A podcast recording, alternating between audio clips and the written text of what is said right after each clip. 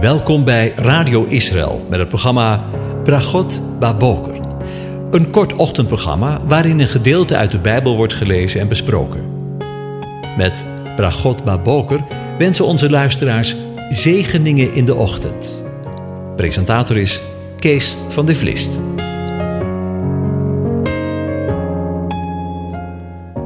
Bokatov, goedemorgen beste luisteraars. Vanmorgen gaan we weer verder met het overdenken van Psalm 72. Ik lees het aan je voor, in ieder geval een gedeelte daarvan. Gelooft zij de Heere God, de God van Israël. Hij doet wonderen.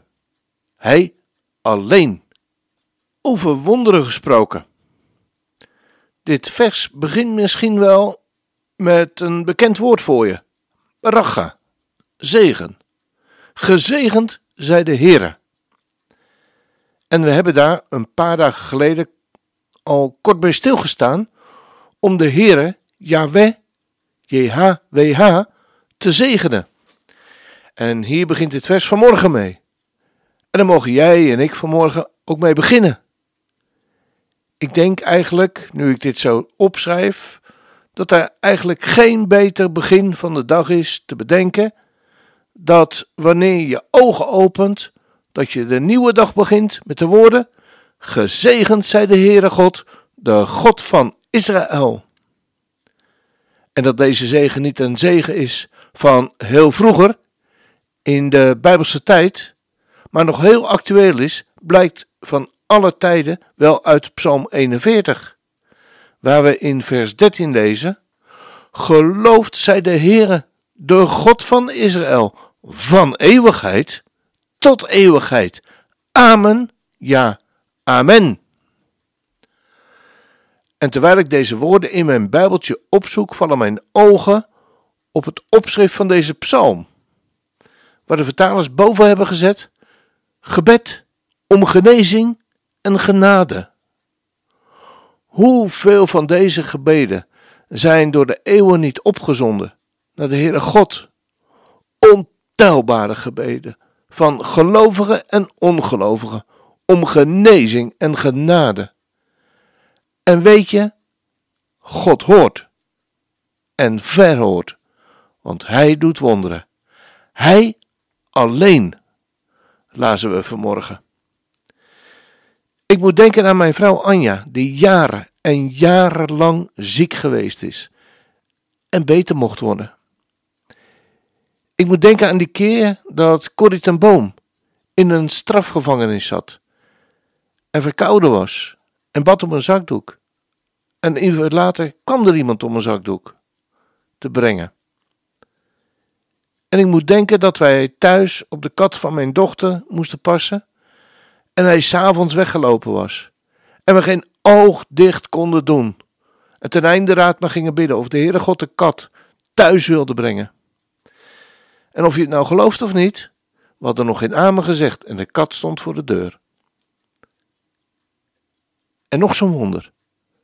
Ik denk aan die keer dat de vrachtwagen van de hulporganisatie van Israël Relief Aid was gestolen. En op het precies vastgestelde tijdstip op wonderlijke wijze werd gevonden. Lieve mensen, we hebben met een levende God te maken. Niet met iemand uit een oud boek. Iemand die geen wonderen meer doet.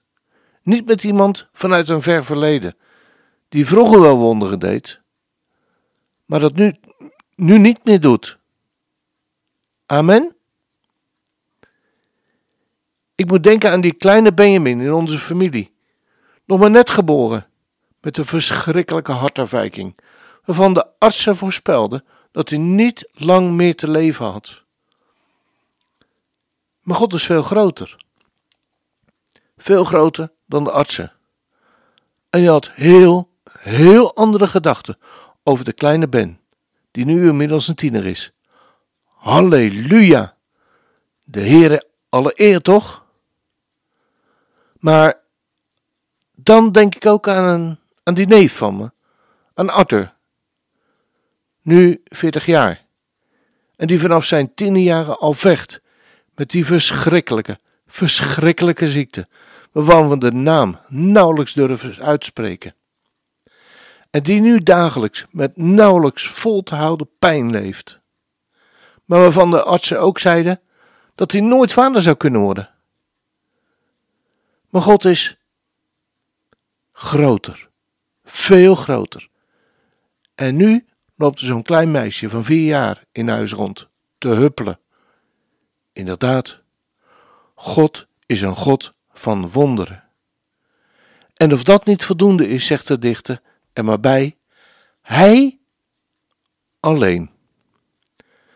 En deze alle regels van dit programma in, wil ik deze uitzending bidden voor neef Arthur, voor zijn genezing. Want ook 27 jaar kanker kan de Heere God in een hand omdraaien genezen. Want Hij doet wonderen. Hij alleen. En we buigen onze hoofden en zeggen: Gelooft zij u, Heere God, Yahweh, Adonai, de God van Israël. U doet wonderen, u alleen. En we komen vanmorgen tot u, God van Israël, want tot wie zouden we anders heen moeten gaan? Want u doet wonderen, u alleen. En wij vragen u nederig en vol hoop om de volledige genezing van Arthur. Wij doen dat op het grond van het feit dat u alleen wonderen kunt doen. En in de situatie van Arthur, u weet dat, zijn we volledig afhankelijk van een wonder van u. Heer, doe uw kracht, de kracht van uzelf uitgaan, zoals u dat deed bij de bloedvloeiende vrouw. Geef, Heer, ons het geloof vanmorgen dat wanneer wij tot u komen, op dit moment, en bij wijze van spreken de zoom van uw bovenkleed aanraken,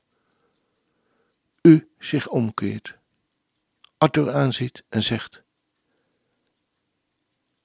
Heb goede moed, zoon. Uw geloof heeft u behouden. En dat hij vanaf dit moment gezond zal zijn. Amen. Ja, het is weer een bijzondere ochtend geworden. Maar als God spreekt, zwijgt de mens, zei een predikant eens, terwijl het onweerde en hij zijn preek onderbrak. Laten we stil worden en naar zijn stem luisteren.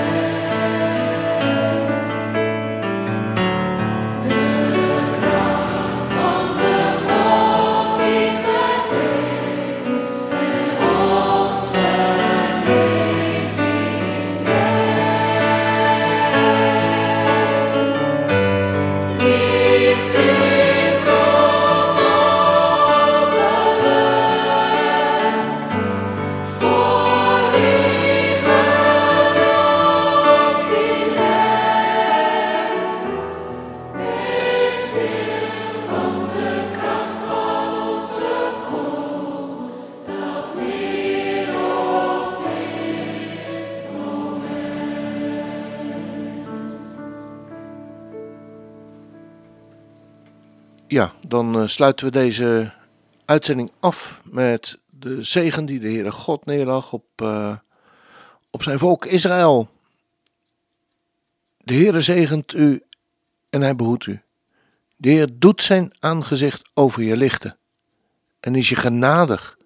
De Heer verheft zijn aangezicht over je en geeft je zijn vrede, zijn shalom.